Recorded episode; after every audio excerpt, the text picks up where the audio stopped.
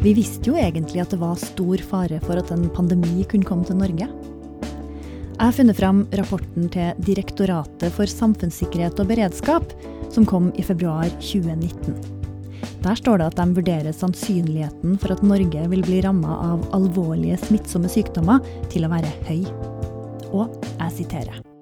En alvorlig smittsom sykdom som medfører mange alvorlig syke og døde, vil innebære en stor belastning for helsevesenet. Etterspørselen etter helsetjenester vil øke, både diagnostisering, ordinær behandling og intensivbehandling. Samtidig vil helsepersonell også bli syke, og kapasiteten dermed redusert. Det vil bli behov for å innkalle ekstrapersonell. Behandling av andre sykdommer vil måtte bli utsatt i stor grad, med de belastninger det vil gi for dem som blir berørt. Sitat slutt. Det er ikke klarsynte som har skrevet det her. Det er vitenskapelige modeller og beregninger som ligger bak. Det som nå har skjedd, hadde forskerne allerede forutsett. Jeg heter Randi Lillealteren, og dette er podkasten På den andre siden.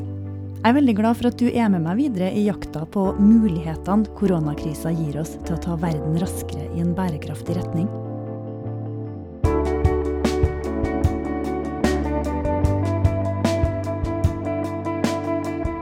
Fremdeles på Oslo-tur, på hotellrommet som produsent Kirsti og jeg har ommøblert til podkaststudio. I forrige uke fortalte gründer Nasima Zair at ungdommene hun jobber med, hadde fått et lite håp om at denne krisa gjør at vi vil mobilisere raskere overfor klimakrisa også. Og forskerne som varsler klimaendringer, bruker tilsvarende modeller som dem som varsler pandemier, og som vi nå har skjønt at vi burde lytta mer til. Han som nå er på vei inn, tror krisa vi er oppe i nå, øker tilliten til vitenskapen. Hei. Hallo! Hei, jeg har fått en liten hule. Eirik Knut er forfatter, astrofysiker, blogger, podkastprogramleder og framtidstenker. Eirik Knut, velkommen inn til hotellstudioet vårt her i Oslo sentrum. Hei, hei. Det er jo en interessant og annerledes opplevelse, men det har det vært mange av de siste månedene, så på sett og vis så er jeg mye mindre sjokkert nå enn jeg sikkert ville vært for et halvt år siden. Jeg kan si at korona har gjort noe med liksom forventningen til hva som er rart. Nettopp. Og det er, eh, Så ja, det her er- det er mye høyere terskel enn det pleide å være. Det her er rart, men ikke så rart lenger. lenger. Nei, jeg har vært på enda rarere steder enn dette. Men du Eirik, du sier at vi nå lever midt i et stort eksperiment. Fortell hva du mener med det. Ja, det mener jeg jo at vi helt konkret, altså som i alle eksperimenter, så har man Man har arbeidshypoteser, og så tester man hypotesene. Og nå tester man jo i dette tilfellet helt konkret tiltak mot koronaviruset ut fra ulike arbeidshypoteser. Det har vi jo veldig mye diskusjoner om for tiden. Og testsubjektet, det er samfunnet. Det er folket, befolkningen, som jo skal beskyttes mot viruset. Og så er det samfunnet, økonomien, arbeidsplassene, skolene, helsevesenet.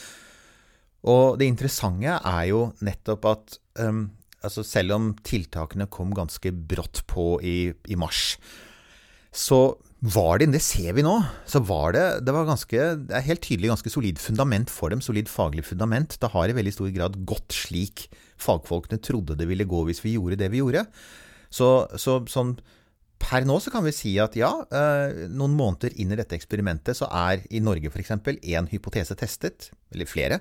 Og det ser ut til at de foreløpig har bestått testen, og så skal vi fortsette å teste på nye måter. og Så får vi se hva som skjer. Men ja, stort og veldig spennende eh, eksperiment.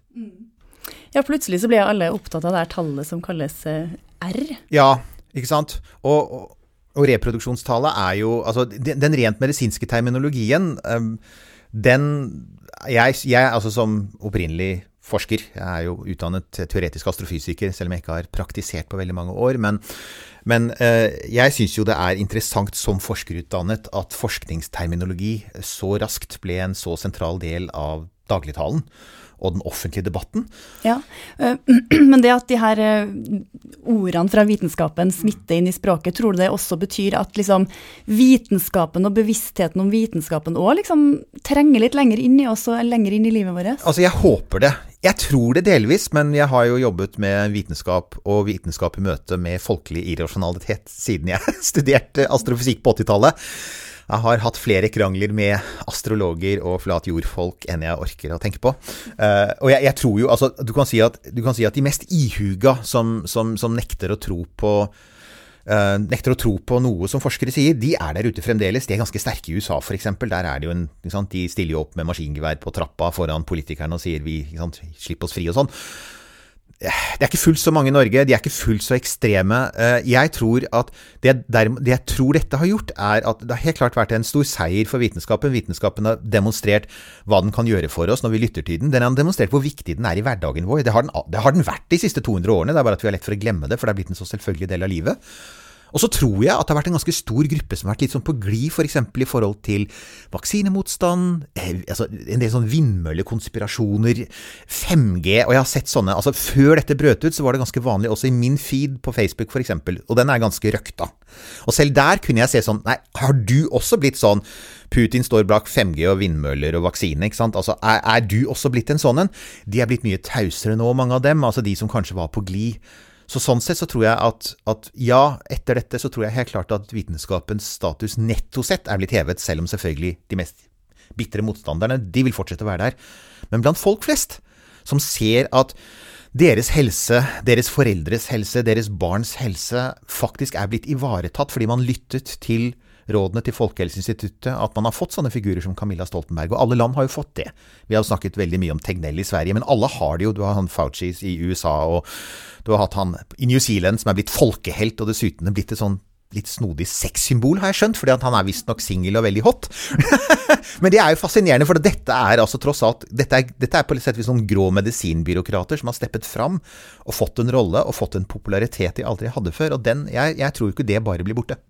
Covid er en påminnelse om at, at altså, når forskere sier noe, og det er solid basis for noe, så har de De har veldig ofte rett, for å si det sånn. Men vi snakka om at vi lever i et eksperiment. Mm. Men så har jo ulike land takla denne krisa, ja. forholdt seg til krisa på ulikt vis. Og ja. da lever man jo kanskje litt ulike eksperimenter. Det gjør man. Jeg, jeg, kan ikke få sagt ofte nok at det er viktig å huske på. Altså, for eksempel, siden vi sitter i Norge, så er det naturlig å si å, Sverige. Ja. Helt riktig. Det er viktig å huske på at Sverige er ikke USA, Sverige er ikke Hviterussland. Sverige er kontrollert. Det er basert på en annen modell. Det foregår en debatt. Jeg har skjønt at den debatten ikke alltid har vært like lett. fordi igjen, svenskene, Vi vet at svenskene av og til sliter med å ta vonde debatter som går direkte på nasjonalfølelsen deres. Det gjør de fleste folk, men det ser ut til at de av og til sliter litt mer. Men ja, vi lever i ulike eksperimenter, og, og, og de eksperimentene gir ulike tallresultater. og og så er vi så innmari heldige her i landet at vi av delvis av politiske og samfunnsmessige årsaker, og delvis antagelig for vi hadde litt flaks Jeg tror når vi får analysert tallene Vi skal ikke glemme vi er midt i pandemien ennå. Det samles inn data nå, men det er mye vi ikke vet om denne sykdommen. Og det det betyr, er at vi kommer til å trenge en del år. Det er, den, det er, kanskje noe av det som er vanskeligst å få med seg her, når folk sier hvorfor får vi ikke vaksinen med en gang? Fordi vitenskapen først og fremst er en prosess. Ja, det handler om nysgjerrige mennesker som forsker, men det er en etablert prosess. I 400 år har vi gjort det på denne måten, med at du, du, forsker på noe, du har hypoteser, du tester hypotesene, og så publiserer du, og så lar du kollegene dine gå gjennom det. Og i en pandemi så høres det ut som forferdelig langsomt, men vi har mange hundre års erfaring for at det er den beste måten å gjøre det på. Og vi er for øyeblikket fremdeles i test- og hypotesefasen. Og så kommer det seinere faser. Publiseringene kommer, og så kommer kritikken av publiseringene og revurderingene av gamle data. Så jeg tenker at i 2025 så har vi Altså, da er pandemien over, det er jeg helt sikker på på den eller andre måten. Da, men da har vi også fått tid nok på oss til å kunne se tilbake og si ok, hva var det egentlig vi lærte? Hvordan var det egentlig dette rare viruset oppførte seg? Og, så det er klart, mye av det vi responderer på nå, det er rett og slett at vi er, vi er midt i en prosess. Nå må jeg si at jeg som gammel forsker, jeg jeg elsker jo å se vitenskap i praksis. Jeg synes, altså, Den biten av det fortsetter jeg. Så jeg leser jo disse rapportene som kommer nå, med stor interesse, for at dette er vitenskap. Det er en livesending av vitenskap. 24-7 på global skala. og det er ikke så ofte du ser det. Altså, så du tar fram popkornet og koser deg? Ja, altså noe av det. Altså, hadde det ikke vært for alle dødsfallene, ikke sant. Men altså den ja. biten av det som er rent forskningsmessig, med hypotesene som dukker opp. Så, så for noen dager siden var det italienske forskere som sa at nei, nå de tror at viruset er blitt mindre potent. De ser at de som smittes, faktisk blir mindre syke. Ja, er det det, eller er det noe annet? Så kommer noen til å kritisere det og si at nei, kanskje det er noe annet. Men det er jo sånn vitenskapen fungerer. Og, og jeg syns jo det er kjempefint at det formidles. Jeg syns det er fint at folk leser om det. Og jo mer og hvis vi fortsetter å eksponeres for denne prosessen i flere år, så kan det også hende at vi kommer litt ut av den derre folkelige bakevja som jeg har måttet deale med veldig mange, mange ganger. Sånn tankemessige bakevja som er sånn jo, jo, men det ene øyeblikket sier de at gulrøtter er farlig, og det neste så er det sunt. Det gjør alltid forskere. Folkens, det er en del av en prosess. Det er sånn vitenskapen er. Det er ulike syn på saken, og etter hvert kommer man ofte fram til et konsensus. Men hvis du bare ser på øyeblikkssituasjonen der vi er nå, så ser det veldig kaotisk ut. Men vi har igjen siden 1600-tallet hatt lært oss hvordan vi gjør dette. Det kommer et konsensus etter hvert. Det gjør det. Mm. Det er jo en eh, storstilt eh, datainnsamling som foregår nå, ikke sant. Hva vil den føre til på sikt? Ja, nei, det er Her kommer vi jo til den egentlig den biten som interesserer meg mest. For én ting er at det samles inn masse medisinske data, men det samles inn alle typer data for øyeblikket. Bevegelsesdata, ikke sant? transportdata. Eh, du har dette her Social Mobility-prosjektet til Google, som folk faktisk kan aksessere hvis de googler det. Så kan de se hvor mye folk har beveget seg, ikke på individnivå, men på sånn massenivå. Og så har du selvfølgelig fra data fra alle ulike typer arbeidsplasser hvor folk har hatt hjemmekontor. Vi kommer til å vite veldig mye mer om å jobbe hjemmefra, og, og dynamikken i det etter at dette er over. Vi kommer til å ha masse data eh, som fører til at produktene som brukes til dette, kommer til antagelig til å bli bedre.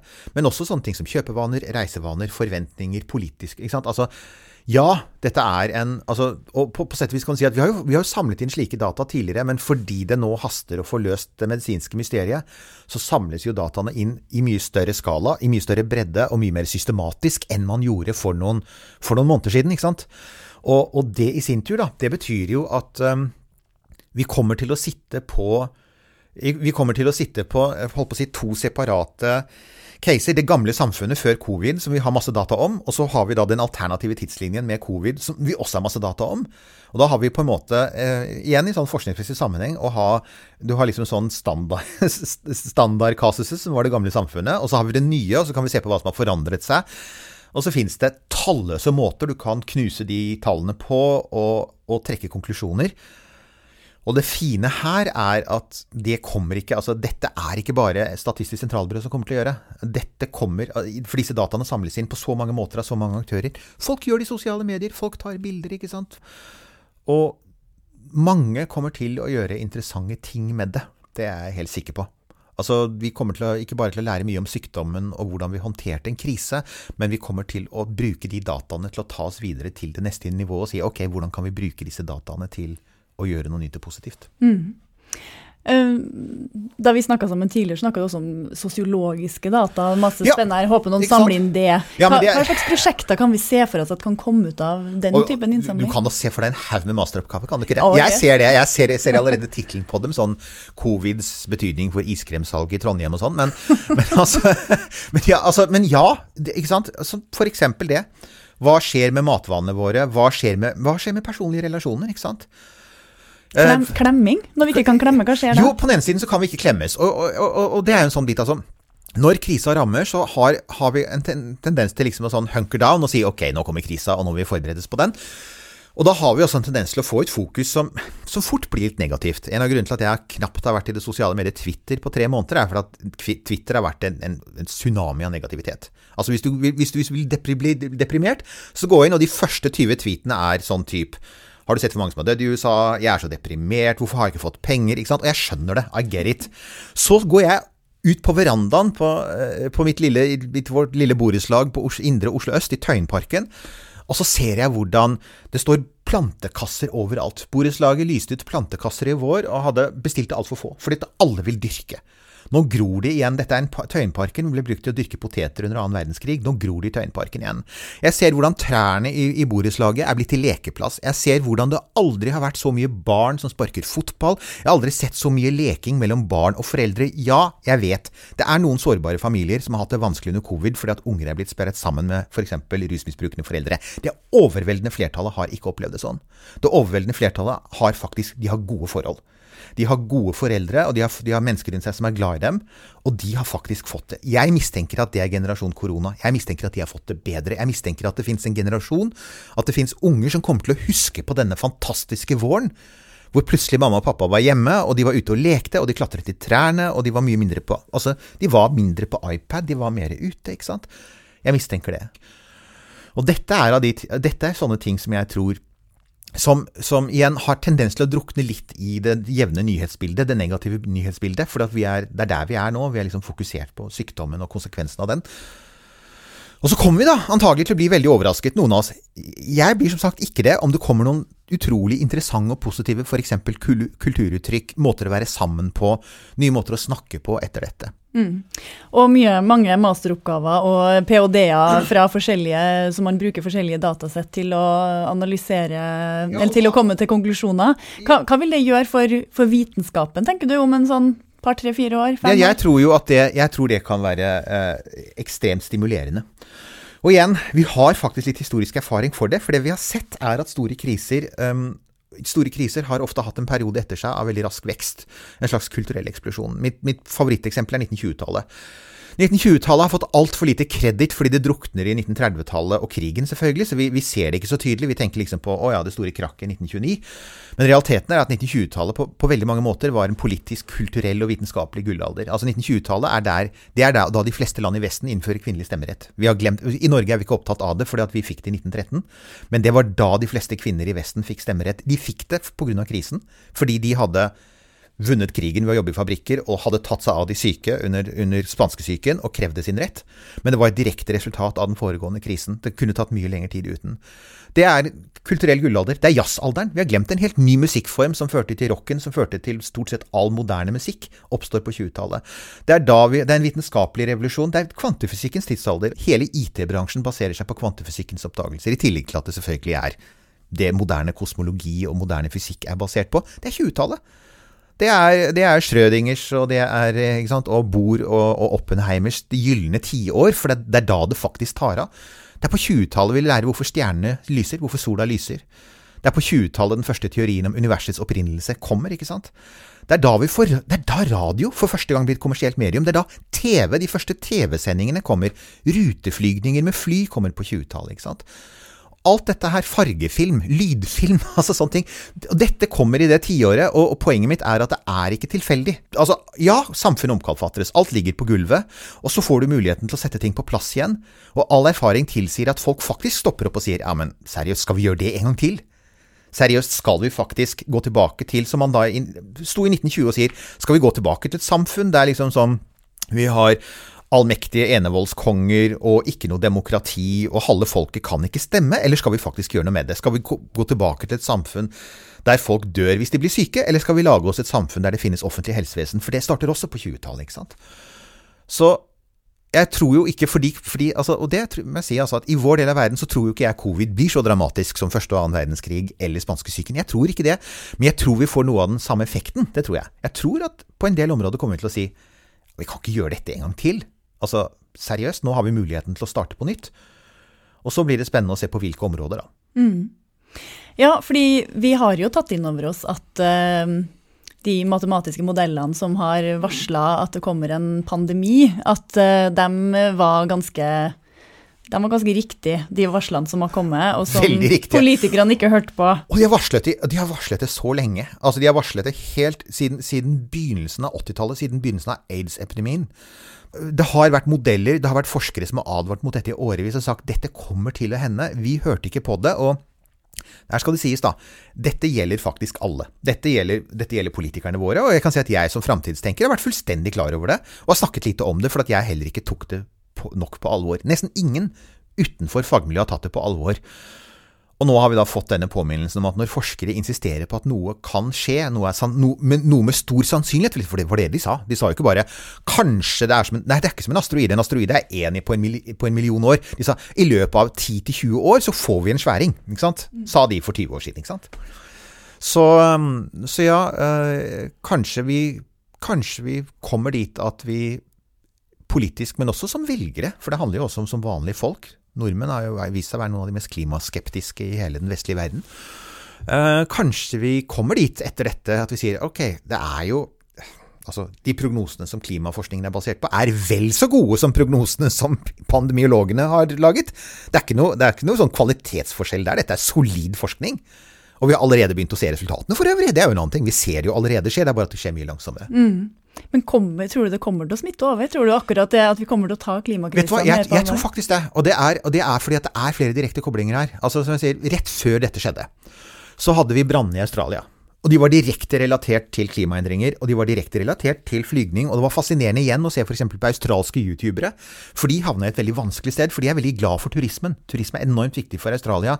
Men Australia er også en storprodusent av kull, de er et av de, og de er et av de mest forurensende landene på kloden. Og, er, og, nesten alle turister kommer jo med fly. Så de satt i den liksom vanskelige situasjonen. Vær så snill, ikke glem oss, kom og besøk oss. Men mm, hvis dere kommer og besøker oss, så brenner jo skogene våre igjen, ikke sant det var Parallelt med dette så hadde du, hadde du Gretas Thunberg-kampanje, som hun jo liksom avsluttet på slutten av året fordi hun skulle tilbake på skolen. Men da hadde hun kjørt den lange og veldig effektive kampanjen sin. Og så kommer da dette utbruddet, som er direkte relatert til menneskets inntreden på naturens domener, sannsynligvis, og spredt via den internasjonale flybransjen, som alltid har gitt, har gitt beng i dette. Disse varslene har vært der lenge, de har ikke tatt hensyn til det. De har ikke vært noen pådriver for større eh, sant, virussikkerhet. Myndighetene har ikke gjort sitt, men det har sannelig heller ikke næringslivet. Og så har du andre bransjer, som den horrible, jeg sier det hver gang, måtte cruisebransjen dø? Jeg har ikke ett godt ord å si om cruise. Cruise er miljøuvennlig på alle måter. Det bidrar ikke til økonomisk vekst der de kommer. Det er ødeleggende for lokalsamfunn. Og i tillegg så er de smittebomber. Og det de gjorde i forbindelse med covid altså Nå står jo søksmålene i kø, for de tok jo syke, gamle mennesker om bord i båter fulle av gamle mennesker. Og så dumpet de hundrevis av syke, eh, covid-syke i Australia uten å si fra. Altså, de har vært så uansvarlige. Så om det blir et dødsoffer for covid, så er jeg glad for det. Men jeg, jeg tror at vi får se sånne ting om folk sier dette er for ekstremt. Og så blir det veldig spennende å si om en, se om det er en del andre ting som vi nå har tatt helt for gitt. Sånn type ja, Selvfølgelig kan du dra til Krakow på helgetur, for det koster bare 300 kroner. Om, om, noen av de tingene også faktisk begynner å endre seg fordi fordi man, vi vil komme til det punktet hvor jeg sier ja, men det er jo en helt klar kobling. Igjen, Akkurat nå så er vi ikke der, for nå er vi midt i det. Så nå er vi mest opptatt av at ingen kan fly, og det er kjipt å ikke være på ferie. Men jeg tror jo at den ettertanken kommer, når vi har fått litt avstand til det, og si det var, jo, det, var ikke, det var jo, litt interessant. Det skjedde rett etter brannene i Australia. Det skjedde rett etter Greta Thunbergs lange kampanje. Det kommer etter årevis av advarsler, ikke bare om virusfare, men klimafare, og at, disse, at virusfaren og klimafaren er direkte koblet sammen. Det vet vi jo nå. Men det er klart, den koblingen er litt vanskelig å peke på nå, og den er kanskje ikke riktig å peke på nå fordi vi er midt i krisen og folk fremdeles dør. Mm. Men jeg tror, og derfor så ser du også heller ikke at miljøbevegelser og miljøpartier er ganske tause nå, og det er fornuftig. Det er Politisk sett, men også etisk sett, så er det klokt å holde litt tyst om det nå, ikke mase for mye om det. Men så er det klart vi må snakke om det når det, når det, når det roer seg og, og, vi har fått kontroll på dette. Så må vi jo snakke om det, og jeg skal i hvert fall snakke om det. det høres ut som vi bare må ta en ny prat om en sånn eh, tre-fire år, når de her masteroppgavene begynner å pumpes ut. Det høres uh, lenge ut, men ja. jeg har andre podkaster som sier 'kan du komme tilbake om et år'? Ja, ja. Eller et halvt år. vi vil gjerne sjekke tilbake hva du har sagt, og det er, det er jeg veldig gjerne med på. Mm. Tusen takk for at du kom. Bare hyggelig. Eirik tror det vi har opplevd nå, gjør at vi vil høre etter mer på det forskerne varsler. Og det står jo et unisont kor med klimaforskere og varsler alt de kan. De begynner å bli hes. Men de roper enda 'Vi har dårlig tid!' Og kanskje når de gjennom lydmuren nå. Tidligere i sommer skrev nrk.no om en undersøkelse Opinion hadde gjort for NRK. Den viste at 47% av dem som var spurt, var villig til å gjennomføre like kraftige tiltak for å bekjempe klimakrisa som dem vi satte inn for å bekjempe koronaviruset. Og Tina Saltvedt fortalte jo også at flere og flere av dem som har penger, ønsker å investere i selskaper som greier å tenke nytt om bærekraft. Men hva med oss vanlige folk, vi som ikke har massevis av penger vi kan investere? Vil vi òg endre på livet vårt, og vil det ha noe å si i den store sammenhengen? Folk har blitt mye mer bevisste på nærmiljøet sitt. Og eh, vi ser også at, at eh, de som har en lokal tilknytning av, av, de møtestedene, har blitt mye, mye viktigere. I neste episode kommer Runar Eggesvik på besøk. Han er festival- og utelivsgründer, og tror koronakrisa vil føre til store forandringer i hvordan vi bruker byene våre. På den andre siden er laga av produsent Kirsti Svenning og meg, Randi Lillehalteren. Anders Bank-Hertzner har komponert musikken. Denne podkastserien er laga av Historiebruket for Agenda Res Publica Media, og redaktør er Halvor Fines Trettvoll.